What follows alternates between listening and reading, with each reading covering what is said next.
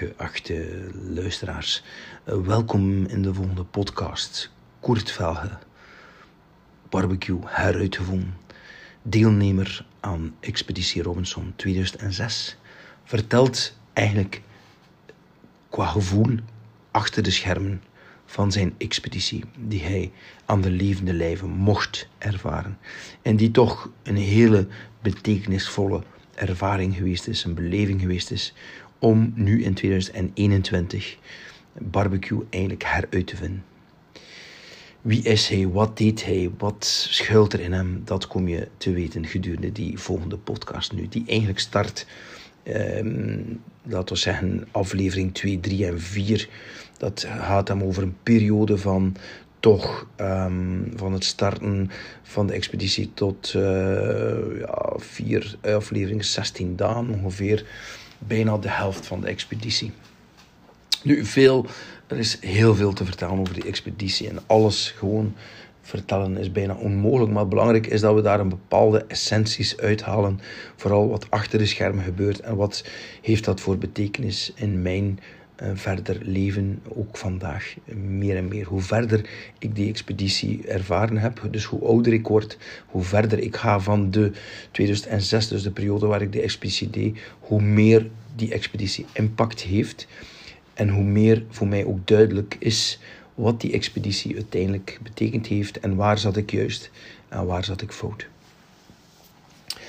Het weer op zich uh, in Panama, in de Pearl Islands, in de Pacific Ocean was gewoon onuitstaanbaar. Dat was dus regen, regen en nogmaals regen. Ik moet zeggen, regen op zich, uh, ja, dat vond ik niet erg tijdens de preselecties. Zijn ook, ja, wat als het regent? Dan zeg ik, ja shit, als ik barbecue doe bij de mensen, dan, dan regent het ook. Hè. Dan doe ik ook voor, als het begint te regenen, ga ik het niet weglopen. Niet? Ik sta gewoon in de regen, ja, je wordt wat nat, zo. Maar ik had een klein detail vergeten. Dus als je in de regen staat en je hebt gedaan met te barbecuen, je hebt uren aan een stuk gewerkt en keihard gewerkt om die mensen tevreden te stellen. Je hebt in de regen staan, je bent supernat, tot op je vel nat, koud. Wat doe je dan? Dan stap je in een camionet, dan leg je de verwarming aan. Um, dan is het zelfs iets te lang wachten tot het warmte heeft. Hè. Maar eens als ze warmte heeft, dan kom je thuis. Dan uh, neem je een warme douche, uh, een warme handdoek uh, in je warm bed. En dat is wat je in de expeditie niet hebt. je hebt één voordeel in Pearl Islands, dat het een, een, exotische weersomstandigheden zijn, tropische weersomstandigheden. Met andere woorden, het is snackheet. Dus je wordt eigenlijk nat, maar eigenlijk is het wel snackheet. Dat is natuurlijk wel een voordeel. Maar het maakt u gewoon zo kapot. Dus eigenlijk de honger op zich valt eigenlijk al bij al wel mee. Want uiteindelijk als je die uitzendingen zo herbekijkt, dan wordt er toch wel veel gegeten. Natuurlijk, ik zeg het, ik kan niet genoeg herhalen. Als je één aflevering ziet van 50 minuten, dan zit er wat publiciteit tussen, we zeggen 40 minuten uitzendtijd. Speelt zich af rond uh, vier dagen, uh, 24 uur, maal twee eilanden. Dus dat is een pak uren filmmateriaal wat ze uiteindelijk uit knippen. En dat ziet er dan wel uitzonderlijk uh, veel eten uit. Dat willen ze ook blijken. Meer en meer als ik nu na zoveel jaren terugkijk, dan zie ik zelfs bepaalde fragmenten verschijnen die eigenlijk gespeeld zijn. Dus die Robin die daarin zit, dat is een psycholoog, psychiater, uh, die eigenlijk een ex-deelnemer was van de jaren ervoor van Expeditie Robinson. Die was zo gezegd onze, ja, onze um, ja, hoe noem je dat nu weer? kopman, of dat je het ook noemt. Um, hij was de kapitein van ons en hij zorgde dat alles goed verliep. Maar eigenlijk, dat eigenlijk een stukje doorgestoken kaart. Ik zie nu dingen verschijnen, dat zijn gewoon, die wist dat gewoon. En die, die speelde al die informatie door. Ik, ik, ik zie aan dingen dat hij zegt, dat hij eigenlijk niet kon weten als hij enkel op ons eiland was. Hij had geen connectie met de vrouwen en toch wist hij bepaalde dingen te zijn die blijkbaar dan toch wel in de uitzendingen toch naar boven kwamen. Dus ja. Um, maar wat. Oké. Uh, wat bleek al gauw in het, in het begin, dus we hadden daar uh, heel veel personages. Hè. Ik ga de, de mannen even opnoemen. Frederik, uh, we hebben Matthijs, je hebt Werner, je hebt Bert, je hebt Koen, uiteraard mezelf, Koert, Ignacio en Lenny. ieder voor zich zijn specifieke personages.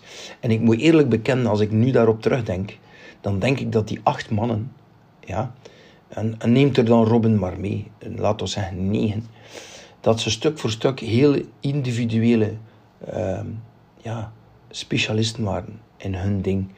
Ik ga zeggen, Frederik, dat was iemand die, een jonge gast, 23 jaar, uit Roeslaren, vermoed ik. Ik vind het spijtig, ik heb hem nog nooit gezien sedert en ik zou hem heel graag nog een keer ontmoeten om te weten, wat is er dan nu eigenlijk van geworden.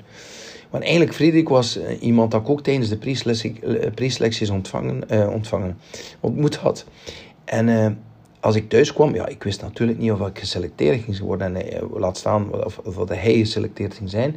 Maar ik had al gesproken thuis over die man, omdat dat was een jongen, 23 jaar. En als die aan ons tafel zat, want wij moesten uren aan uren aan een stuk wachten tot de volgende een proef mocht doen in die preselecties of een gesprek. En uh, dan zat je natuurlijk aan die tafels en begon je te spreken over jezelf, wie dat je was. En als ik Frederik bezig hoorde, laten we eerlijk zijn, ik ken ook mezelf. Hè, dus ik weet dat ik een veel babbelaar ben, dat ik heel aanwezig ben als ik ergens ben. Dat weet ik van mezelf, maar oké, ja, zo. Um, maar Frederik, ik, ik was een klein manneke ten opzichte van Frederik. Ik was 40, hij was 23. Als hij begon te vertellen en over zijn reizen, hij had net van de wereld gezien.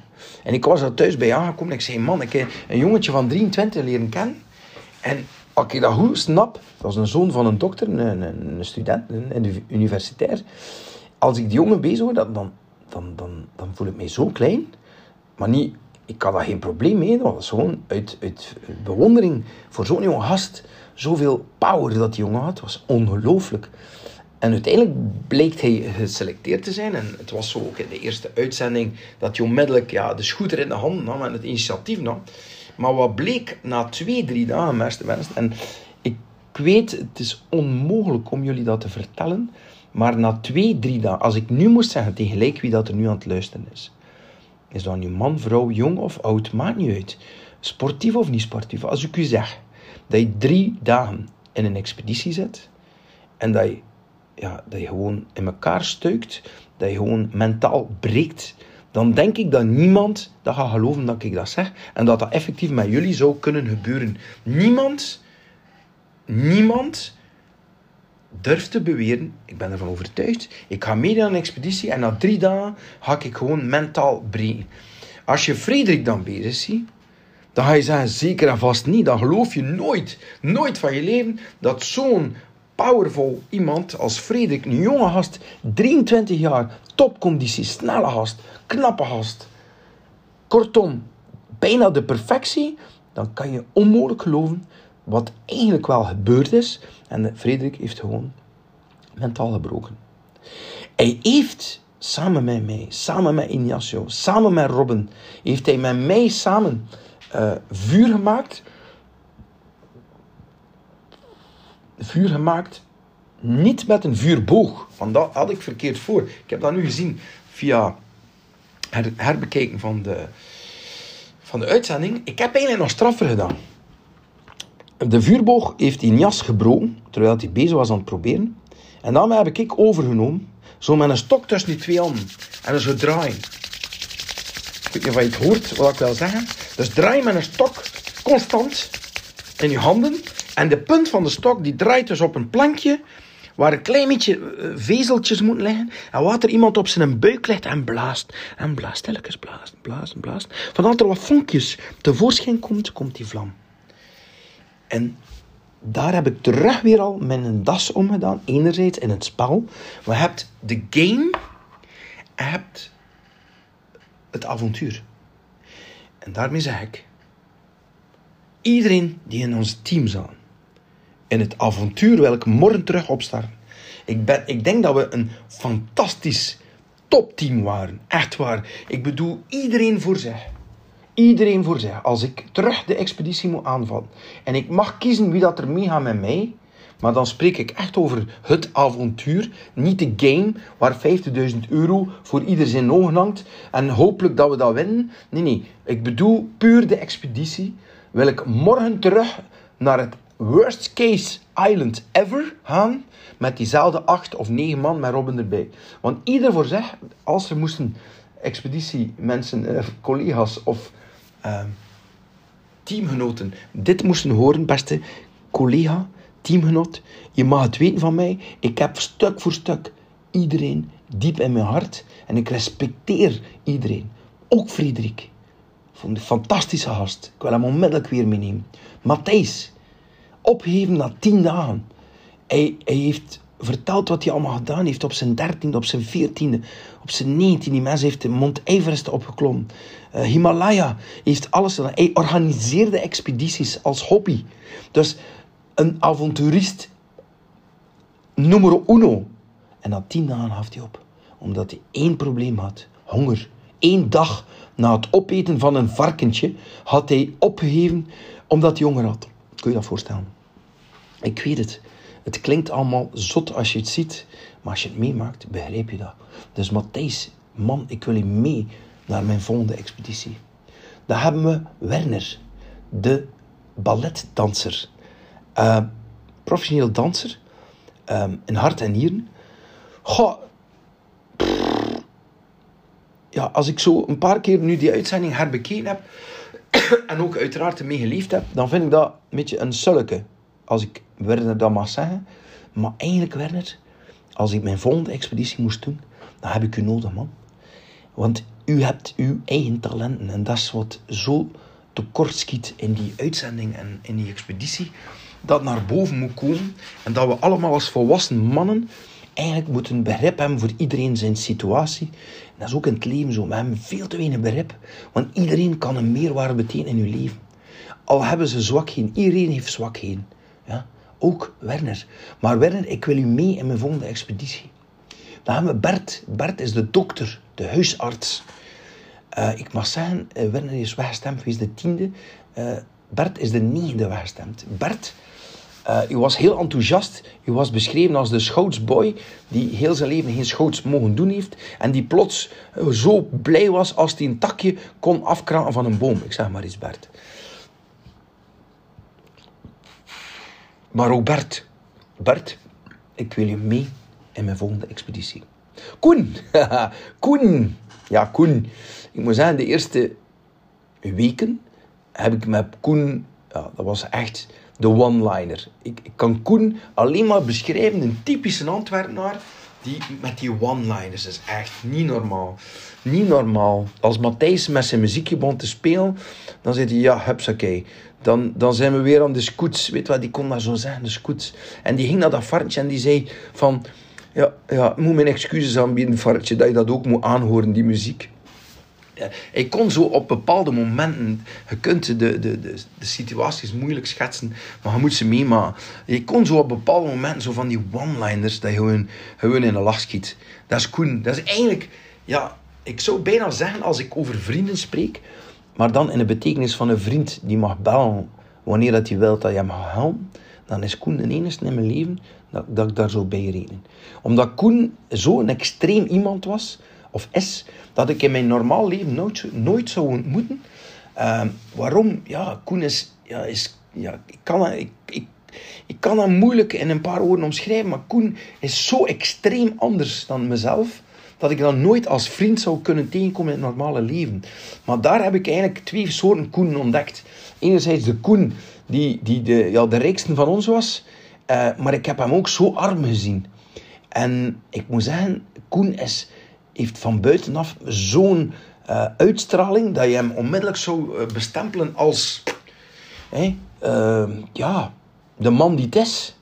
En oei oei, het is hier altijd zinnig, blijkbaar, een typische Antwerpenaar. Maar eigenlijk in, in, in, binnen in zijn hart is dat een ongelooflijk cool, coole, goede gast. Uh, dus Koen, ik wil u zeker mee in mijn volgende expeditie. Dan hebben we Ignacio. Ignacio. ik moet zeggen, op een bepaald moment was ik, Ignacio en Lenny het trio.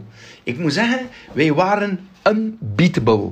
Wij waren zo sterk dat toch de organisatie erin geslaagd heeft om een stokje ertussen te steken. Ze hebben eerst de andere, dus Ignacio en Lenny, opgedraaid tegen mij. En als ik dan uitgeschakeld werd, op een bepaald moment uit een groepje, dan hebben ze mij, dan hebben ze eigenlijk Ignacio opgedraaid tegen Lenny, of omgekeerd Lenny tegen Ignacio, en heeft Lenny eigenlijk ook een dolk in zijn rug gestoken. Maar eigenlijk, Ignacio, Ik weet, hebt hele lelijke dingen over mij gezegd, als je ook neem je dat niet kwalijk vindt. Er zijn nog mensen die lelijke dingen zeggen over mij. Dat kan mij echt in een bal schelen.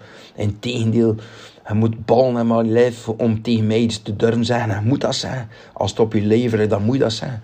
Maar niet tegenstaan Jasso, hoe verder dat ik van die expeditie wegga, hoe meer dat ik de waarde zie van wie ik daar eigenlijk was, wat ik daar eigenlijk gedaan heb en uiteindelijk wat heeft dat betekend in mijn leven.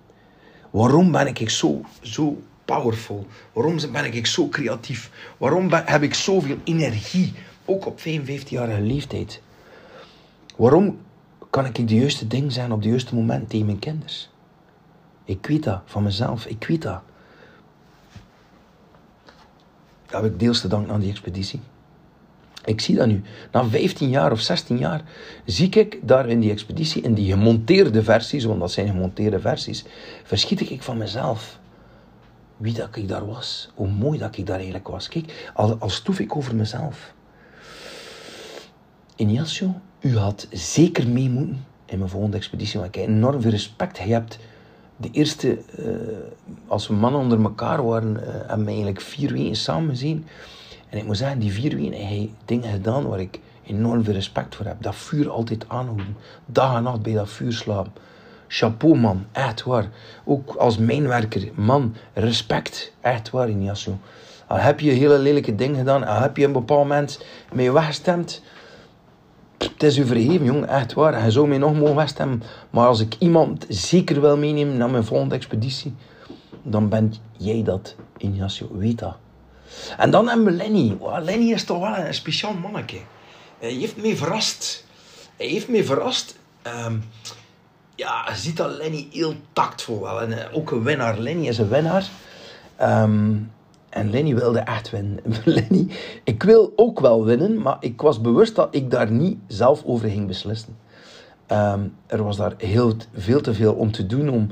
Nee, nee, kijkcijfers en, en toestand. Nee, nee, nee. Ik, ik, wist heel goed van in het begin, van voordat ik vertrok, dat ik daar niet zelf ging beslissen wie dat er wint. Niet dat er gesjoemeld werd, zo zou ik het niet noemen. Maar nee, Nee, ik geloof dat niet. Lenny wel. Lenny geloofde echt dat hij alles in handen had om te bepalen wie dat er wint. Inderdaad, dat hij kan winnen of niet. En uh, hij heeft hele rare dingen gedaan tijdens die expeditie. Maar zeker en vast, Lenny, als ik mijn volgende expeditie wil doen. Maar de, zonder game, geen game, want dat zijn spelbrekers. Die lokken uh, emoties uit die ons van elkaar trekt. Maar wij zijn een team. Echt als team. Lenny, ik wil met u naar de mannen, naar Nee, zeker en vast, Lenny. U bent een van de bevoorrechte deelnemers waar ik zeker mee meeneem. Ik wil met ons achten echt nog iets doen in ons leven wat we, allee, wat we echt voor onszelf dan, niet voor televisie, dat hoeft niet, dat mag, maar dat hoeft niet. Maar gewoon voor onszelf dingen zo een keer echt doen samen. Ik wil echt doen. Ik, ik vond ons een prachtteam. Echt waar. Het is het spel die ons uit elkaar gehaald heeft.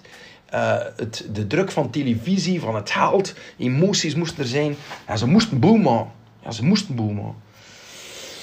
Dus Lenny, bij deze, u bent van harte welkom in onze volgende expeditie, wat dat ook mogen zijn, of wie dat, dat moet zijn. Nu, over die eerste aflevering. De Freddy was echt de zwakste in ons, in ons team. Hij, was, hij trok onze positieve flauw naar beneden. Hij, hij flipte. Hij ging alleen in de jungle. Ik denk niet dat ze dat getoond hebben op televisie. Op een bepaald moment worden we hem kwijt. Hij was poer, hij was dan aan troepen in de jungle. Help, help. Maar ik zei, het is niet waar. Dus ik heb dat gastje uh, serieus in de, in de mot houden dat hij geen domme dingen ging doen. En in een bepaald moment had hij zelfs tekenen van zelfdoding. Beste mensen, wie dat er ook luistert, als je er ook mee geconfronteerd wordt, ik kan u garanderen, ik heb het meegemaakt aan de leefde. Ik ga niet zeggen dat hij het ging doen, ik weet het dus niet. Maar hij had echt tekenen van zelfdoding. Hij zag het echt niet meer zijn. Hij was mentaal gebroken. Uh, Frederik, als je dat moest horen en je vindt, niet dat, je vindt dat dat niet juist is wat ik nu zeg, dan moet je mij dat zeker laten weten. Maar als ik mij goed herinner, dan had je echt tekenen van zelfdoding. En op een bepaald moment heb ik zelfs naar de productie geweest en gezegd van, kijk gasten, ik zit hier 16.000 kilometer uh, van mijn deur, uh, van mijn huis. Ik heb drie prachtige kinderen achterlaten. Ik heb mijn vrouw achterlaten. Ik heb mijn zaak in de steek gelaten. Ik doe dat niet voor een ander kind te zorgen. Ik heb thuis mijn kinderen even te zorgen. Als je ouder, de verantwoordelijkheid nu niet neemt en uit dat programma neemt, dan als er iets gebeurt, dan is het jullie fout. Neem het van mij aan. He. Dat heb gezegd in de productie. En dan ze hem echt eruit gehaald. Maar hij was wel een zwakste schakel. Uh, hij heeft zelfs de game met de doodschom. Uh, plots viel hij in elkaar. Uh, hij valde van zichzelf. hij had al aangegeven dat hij wilde vertrouwen. Hij wilde voordat hij niet meer zag zijn. Na drie dagen, kun je dat voorstellen? Na drie dagen dat zegt iets over Frederik, ja, akkoord, maar dat zegt meer iets uit de expeditie. Uh, die expeditie is zo hard, het is zo confronterend, dat je na drie dagen, het is bijna, als ik daar nu op terugdenk, ik heb die expeditie gedaan, ik kan bijna niet geloven dat, dat iemand in staat is, maar ik heb het meegemaakt, dus het is geen zwans. Hè. En na drie dagen. Nu, die game uh, met die doodskomt niet die uh, flow gevallen, en hebben hem ook dan uit het programma gehaald. Nu, die game hebben we gewonnen. En wat was de prijs? Dat was een varkentje. Een speenvarkentje, dus een, een babyvarkentje. En daar is er toch wel iets heel belangrijks gebeurd in die expeditie. Weer al, uh, ja, die toch mij tekende. En waar ik eigenlijk nu wel trots op ben, dat ik dat gedaan heb. Ze wilden hebben, natuurlijk, we, winnen een varkentje. Dus met een varkentje mee op naar Thailand. Iedereen is kilo van honger. Ja, wat wil je opeten, dat varkentje? Ik ging het eerlijk gezegd niet doen. Ik ging wachten. Ik was nog niet aan die grens dat ik echt nu zei van, we gaan dat nu dood doen. Ik, ik ga anders niet verder kunnen. Ik wilde dat, dat varkentje houden. Uh, ja, dat ging wel ooit van pas komen. Was dat iets, een ruildeal dat we konden maken met, met de andere team? Of, of als we echt ja, doodziek waren van de honger, dan ja. Maar ik was zeker nog niet aan, aan die uh, grens van honger om dat diertje dood te doen. Nu, de groep heeft beslist om het dood te doen, dus ja, oké. Uh, ik, uh, ik deel hun mening en ik, ga dan ook mee in de meerderheid. Maar ik heb direct gezegd, ik ben slager, ik ben geen slachter. Omdat de slager de beenhouwer, is die moordenaar. Hij doet beesten dood en vijfde en zes. Wij verkopen vlees, beste mensen, maar wij doden geen dieren. Ja, dat daarvoor zijn slachters. En, en daar is er heel misvatting rond bestaan in de uitzending ook, maar ook in het team. Dan zei je, mythes hier, ze mijn benen durven nog een beestje doen. Durven is iets anders. Want ik denk tijdens de expeditie dat toch wel anders gebleken is dat ik beesten durven doen. Uh, ik heb de grootste vis gevangen ooit, ever. Dus ja, dat is toch ook een diertje dood doen? Of is dat eigenlijk verkeerd begrepen? Ik heb inderdaad, ik beken, een pelikaan de kop afgekapt. Dus dat is verboden bij wet. Ik heb dat gedaan. En ik heb heel veel, maar heel veel dieren gedood tijdens mijn expeditie. Maar gewoon uit overlevingskracht. En dat varkentje was voor mij te teken, te symbolisch om die slager die dat dood Dat wilde ik niet mee, maar ik wil die keel niet doorsnijden, dat dat bloed spat op ik, zo de beer heel in bloed.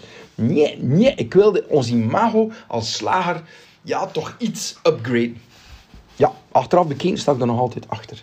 Nu, dat varkentje, eh, onze beste maat Ignacio, eh, hij heeft dat perfect gedaan. Ze hebben dat varkentje op de rug gelegd, snik, die, die slaghouder erover in de keel. Ik moet zeggen, heeft dat perfect gedaan, Ignacio. Hij dat, dat beestje absoluut niet afgezien. Uh, en ik heb dat natuurlijk, dat is fantastisch, als ik er op terugdenk. Wat een beenhouwer kan er ooit, ooit, luistert nu goed, hè. Wat een beenhouwer kan er ooit evenaren dat hij dus een varken, vers geslacht, versnijdt op een onbewoond eiland, in de jungle. Scale van noemer, dat varkentje, mooi, de niertjes, het hartje, de hersentjes, de darmpjes, het bloed opvangen. We hebben van A tot Z, van kop tot staart, en we dat varkentje klaargemaakt in een rostewok. Met de varkenskotletjes gebakken. Ik moet zeggen, eerlijk gezegd, dat hij ons fantastisch smaakt. En we hebben daar dan uiteraard verdeeld over de aantal personen aanwezig uh, op het eiland op dat moment. Uh, en dit is heel confronterend, omdat, moet zeggen, uh, ja, het, het feit op zich. Dus moet dan een keer goed zien wat ik nu allemaal vertelde, wat ik gedaan heb. En dan hoor ik in de uitzending, Kurt praat veel over zichzelf. Ja, een, een podcast, ja, dat is nu eenmaal praten over mezelf en vooral ook over anderen. Maar mezelf centraal staande, uiteraard. Want ik wil u uitleggen waarom. Waarom ik zoveel praat, waarom ik zoveel te zeggen heb, waarom ik nu barbecue wel heruit, heruitvind. Waarom? Waarom wil ik dat doen? Omdat ik zo gedreven ben, beste mensen. En omdat ik ook het talent heb. Ik heb nu eenmaal het talent. Wie neemt er mij dat kwalijk? Wie neemt er mij dat kwalijk? Dat ik talent heb. En dat ik dat ter beschikking wil stellen van de maatschappij. What the fuck is het probleem daar eigenlijk mee? Ik denk niet dat er daar een probleem rond is. Maar het confronterende in de expeditie, en dat is nu wat mij nu na zoveel jaar nog meer uh, overkomt, is dat op een bepaald moment in de eilandraad, we hebben een game verloren. Goh, ik denk dat we daar op bal moesten staan en in het water kosten vallen. Maar we hebben dus een game verloren, een eliminatieproef noemt dat. En uiteraard moest er iemand weggestemd worden. Maar doordat uh, Frederik opgegeven had, ja, doordat uh, ik ben eigenlijk, het is dankzij Frederik en Matthijs, Matthijs ook opgegeven, heeft er toch een eiland doorgaan, maar ik kreeg een zwarte stem. Ik, ik, ik moest het eiland niet verlaten, want er waren al kandidaten meer weg dan anderen eigenlijk mochten weggaan. Dus kreeg ik gewoon een zwarte stem. Er waren er twee voordelen aan. Enerzijds, dat ik wist waar ik stond. Dus ik wist dat iedereen tegen mij gestemd had. Dat was heel, heel interessant om te weten. En twee, wat heel belangrijk is, uh, dat ik eigenlijk dan nog meer motivatie had om every game dat we moesten doen, eliminatieproeven dat we moesten doen, gewoon te winnen. Dus ik had alle belang bij om mijn toptalent, ik had niets mee te verliezen. Ik had enkel maar te winnen. Dus ze hebben mij in die positie gepusht. En dat zie ik nu, na zoveel jaar. Dat is mij echt van de organisatie uit. Deels door Robin. Hè. Uh, en daar ben ik van overtuigd dat zij ook een stuk bepalen wie dat er eigenlijk verder in het programma blijft. Niet ze u gaan inlaten als je eruit vliegt, maar ze gaan zodanig het, het, het, het, het profiel of, of het. Uh, uh, hoe noemt dat nu weer? Het format gaan aanpassen, zodat je in een, in een positie terechtkomt waar je eigenlijk meer slagkans hebt. En dat hebben ze mij gedaan. Ze hebben mij nog meer mijn talenten laten naar buiten komen. Want als ik dat varkentje uh, slacht, ik versnijd dat. En dan word ik weggestemd. Maar ik krijg een zwarte stem. Was zo van, ja, oké, je wordt wel weggestemd. We laten, was weten dat. Want Robin zegt, oh, ik was echt geschrokken. Ik dacht dat Koen ging zijn. Maar je weet dan perfect wie dat er ging zijn. Want je moet vooraf dat je stemt zeggen, heb je gestemd. Dus zij weten vooraf wie dat er heb je gestemd. Dus wisten automatisch dat ik meeste stem ging in. Dus, zoals ik al zei, het spel was gespeeld. En Robin moet niet een dun totentrek uithangen. Uh, als ik hem tegenkom, ga ik hem vlak in zijn oor zei Robin. Hey? Ik vind je ook een fantastisch haat, Robin. Robin, als ik nog een expeditie doe, dan ben jij de negende persoon die mag meegaan. of het maar voor te dragen. Hé, Robin? Als hij psychiater is. Ja. Maar hij heeft mij levensles gegeven, Robin, en ik ben je daar levenslang dankbaar voor. Want doordat ik weggestemd ben, ik, ik zei van Robin, vind ja, ik, het dat ik hier nu zie, waarom dat ik weggestemd ben, dat ik inderdaad mijzelf even terugzie, want dat is het nadeel aan Expeditie Robinson. De uitzending zie maar als je terug, een maand nadat je terugkomt. Bijvoorbeeld bij mijn restaurant, en overstak ik dan niet aan die uitzending, want het is een, een, een, een opname en een uitzending. Dus terwijl dat die, mijn restaurant, het programma bezig is, dus dan die opnames verder bezig zijn, kunnen de deelnemers ook de uitzending zien. Dus ze zien eigenlijk hoe dan ze geprofileerd worden. Wij niet. Wij zien dat maar als we een maand terug zijn. Dus tijdens die expeditie kun je niet voortgaan op de beelden dat ze gaan doen aan, aan denken. Je kunt daar echt, niet op voortgaan. Dus op dat moment schat ik mijn eigen fout in dat ik zeg, ja, het enige dat ik kan denken waarom dat ze mij wegstemmen, is omdat ik een gevaar ben voor hen. Ik maak vuur, ik kook, ik scheid het vlees. Ik, ik, ja, ik zorg, ik zorg voor de dynamiek in de groep. Ik ben, ik ben heel tactvol, ik heb heel veel talenten. En die zien dat als gevaar. En dan zegt Robin, ja, misschien. Maar, zegt hij, een keer nagedacht. Hij zit zo gefocust op je doel dat je vergeet van de mensen om je heen. Dus je hebt een, een opdracht, ik zeg maar iets, en dan ga je die opdracht uh, direct al sturen en zonder eigenlijk rekening te houden met die andere mensen hun mening of, of hun gevoel erover. Dus ik zou een keer meer, een beetje meer aandacht geven aan de andere mensen in plaats van altijd van jezelf uit te gaan. En ik vind dat, ik zei dat trek gezegd, Robin, ik ben heel dankbaar dat je mij dat zegt. Want ik ga er echt aan werken. En dat was niet de doelstelling om niet meer weggestemd te worden. Want inderdaad, van de minste game dat we verloren, werd ik onmiddellijk uit de groep gehaald. Ik had de zwarte stem, dus ik, ik was dus weg. Ja, automatisch. Dus we mochten niks meer verliezen.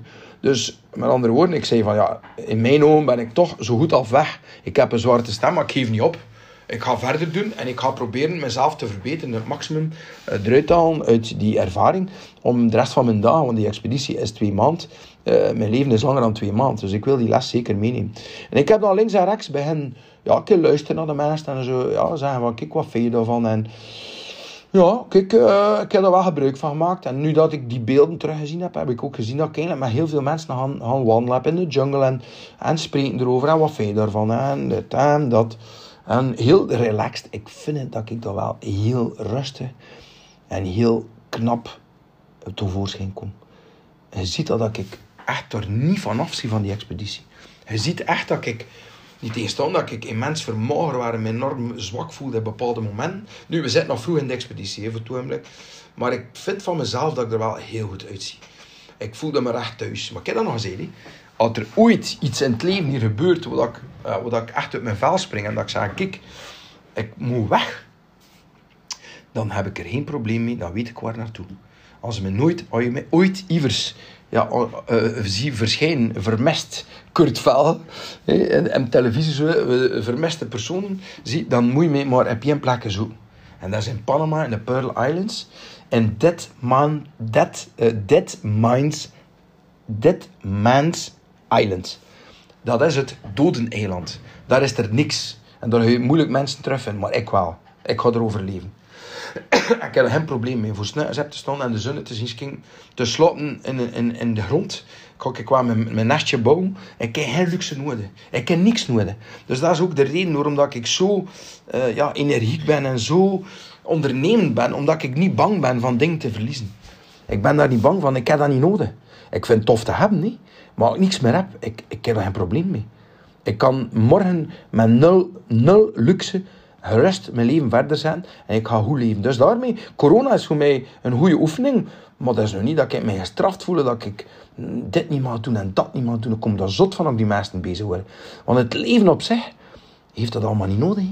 Het leven op zich kan heel mooi zijn zonder al die dingen. Dus ja, kijk, bij deze word ik dus weggestemd. En uh, wat er natuurlijk spectaculair is, de eerste game dat we moeten doen, ook weggestemd ben, is dus levend begraven worden. Eigenlijk, dat is, dat is de naam van het spel. Je wordt levend begraven onder het zand. En je moet er je weg banen uh, door ja, een luik die ergens boven de grond is. Dat je niet ziet, want het is pakken donker. En uh, je moet dus dat luik proberen open te doen. En dan moest iemand een sleutel laten. Een heel, heel spel moet allemaal een keer kijken online. Als je dat wil zien. Maar het echte verhaal die belangrijk is om te weten. Is dat ik onmiddellijk. En Lenny heeft dat blijkbaar in het programma bekendgemaakt zelfs. Zijn dat zelfs gezegd. Dat ik het grandioos idee had. Want wij kosten niet aan dat luik. Dus we zaten in een put ingedoven. Maar dat dat twee meters diepe was. Dus we zijn maar een meter tachtig. Dus we kosten onmoeilijk aan dat luik. En ik zeg het u, de krachten zijn heel belangrijk. Je zegt, ja, maar ik ga op je schouder kruipen. Nee, dat gaat niet. Maar wij hebben die kracht niet om op je schouder te kruipen. Dus het is, het is niet zo simpel. Moest je dat zien, en kan dat zijn, wat domme kleuren, dan ze gewoon met elkaar schoenen kruipen. Maar dat gaat niet. Dus wat heb ik gedaan? Ik had dus onmiddellijk in de pekken donker, heb onder de grond, dus in die graf. met achten, of met zes, ik weet niet hoeveel het toen al wordt, met zes met 16 bezig. En Robin erbij. En in, en in Yasso moest ons uitdelven en dan met die sleutel komt hij zo. Oh, maar ik Maar het belangrijkste dat ik wil vertellen, dat ik daar onmiddellijk, dus weggestemd, zwarte stem, ik, ik onmiddellijk het idee had van het zand aan ons voeten om al een berg in de midden te doen. Dan eigenlijk een berg in onze put on. Dus toen was dat vrij gemakkelijk voor de rut te kruipen. Een keer dat die deuren open was, kon we gewoon op dat bergje klemmen en kost me gewoon individueel één voor één uit die put klemmen. Uh, klim. En dan moest we een koorde ontwikkelen. Dan heeft Lenny dat ontwikkeld. Moet zeggen, dat wordt een perfect team. Maar ik heb dat perfect gecoacht en, en gesetteld van, kijk, we gaan dat zo doen. Ziet, ik was dus weggestemd. De, klats heb je kou gekregen. Ik heb eigenlijk twee keer gehad in die expeditie. Ik had er later ook over vertellen. En ik vind dat knap van mezelf, dat ik mezelf een, een, een serieuze uppercut gekregen. Like dat ik over laat zeggen in mijn filmpjes. Wanneer had hij op zijn bek? Ik heb al serieus met mijn bek gegaan. Ja, je ziet dat ook aan mijn aanzet. Dat is serieus onthoofd. Maar dan in die fase, positief energy. Dat is belangrijk in het leven.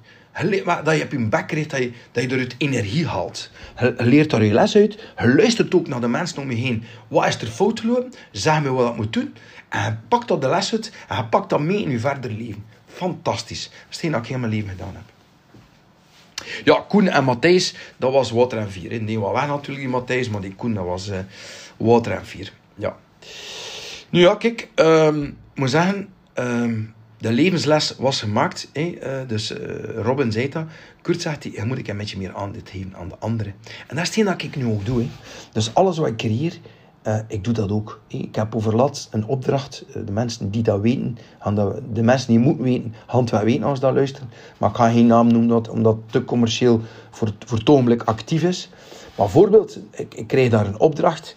En ja, ik ken mezelf niet, vind Dat mag iemand zijn die 100 jaar die opdracht gedaan heeft. Ik begin van dag 1 en ik luister uiteraard naar de man die 100 jaar bezig is.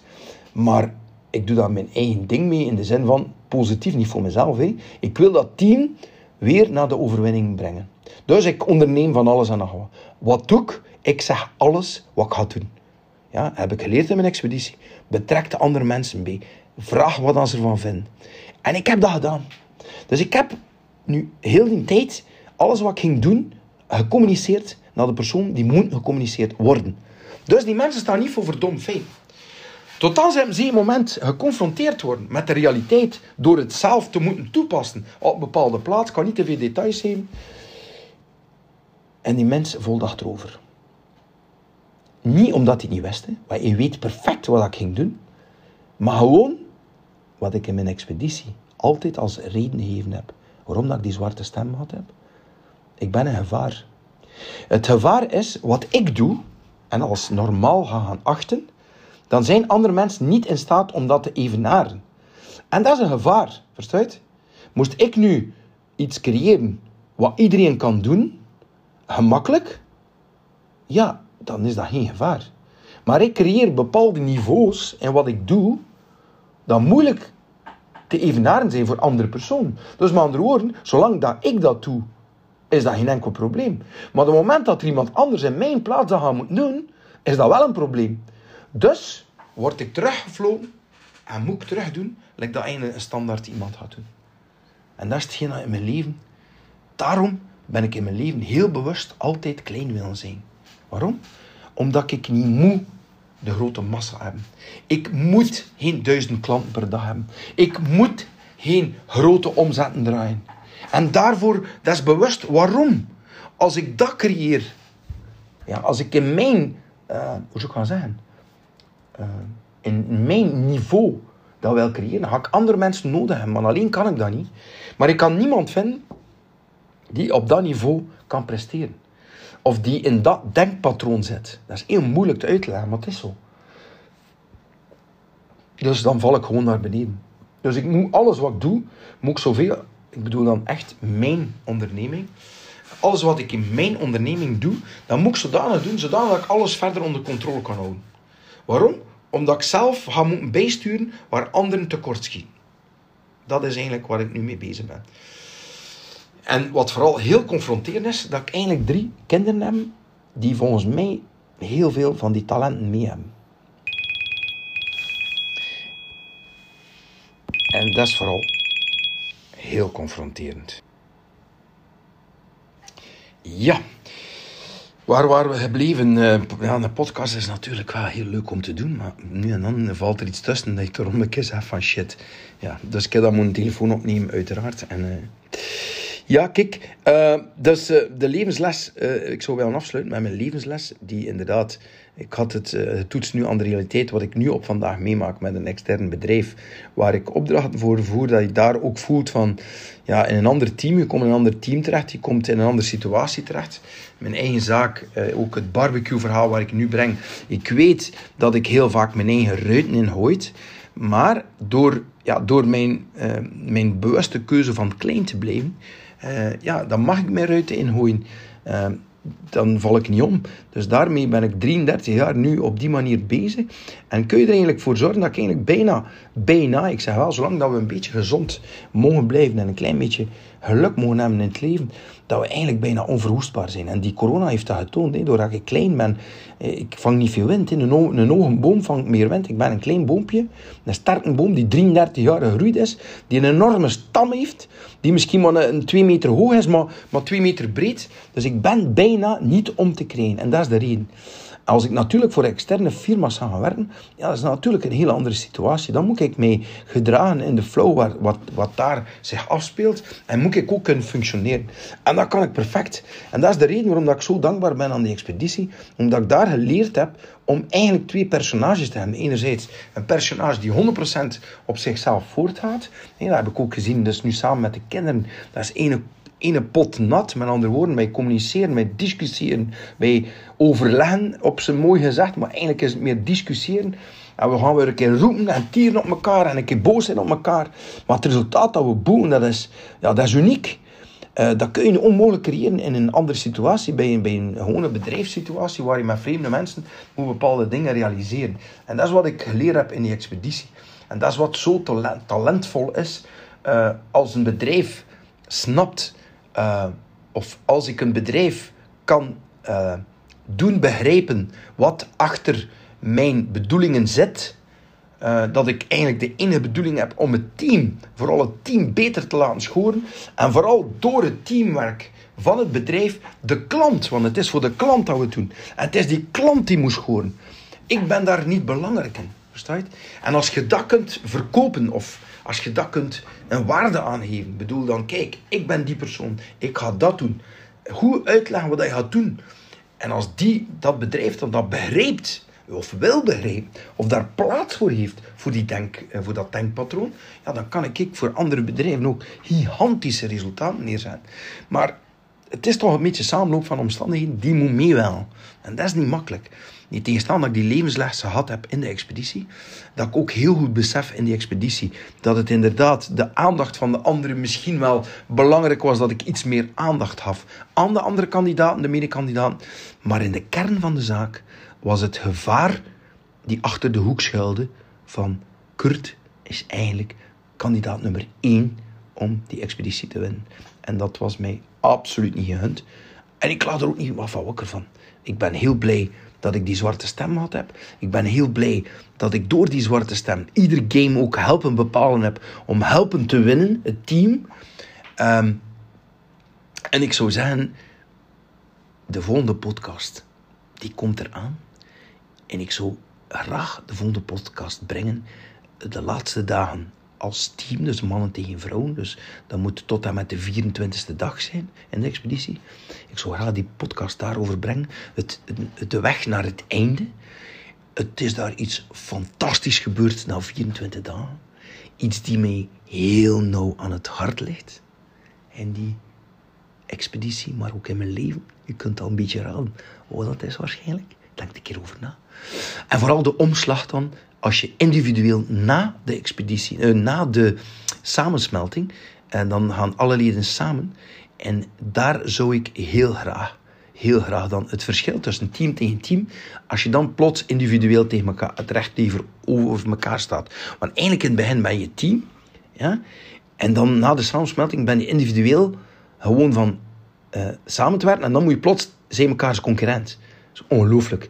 En wat ik zeker ook wil vertellen de volgende de volgende podcast is over uh, de oversteek van het ene eiland naar het andere. Want eigenlijk zitten we nu maar 14 dagen ver.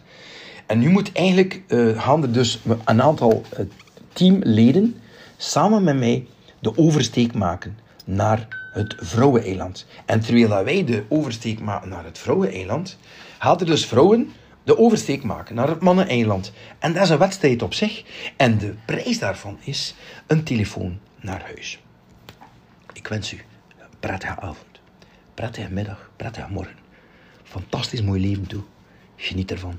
En dank je wel voor het luisteren. Tot de volgende keer. Deze podcast. Kurt. Barbecue heruitgevonden.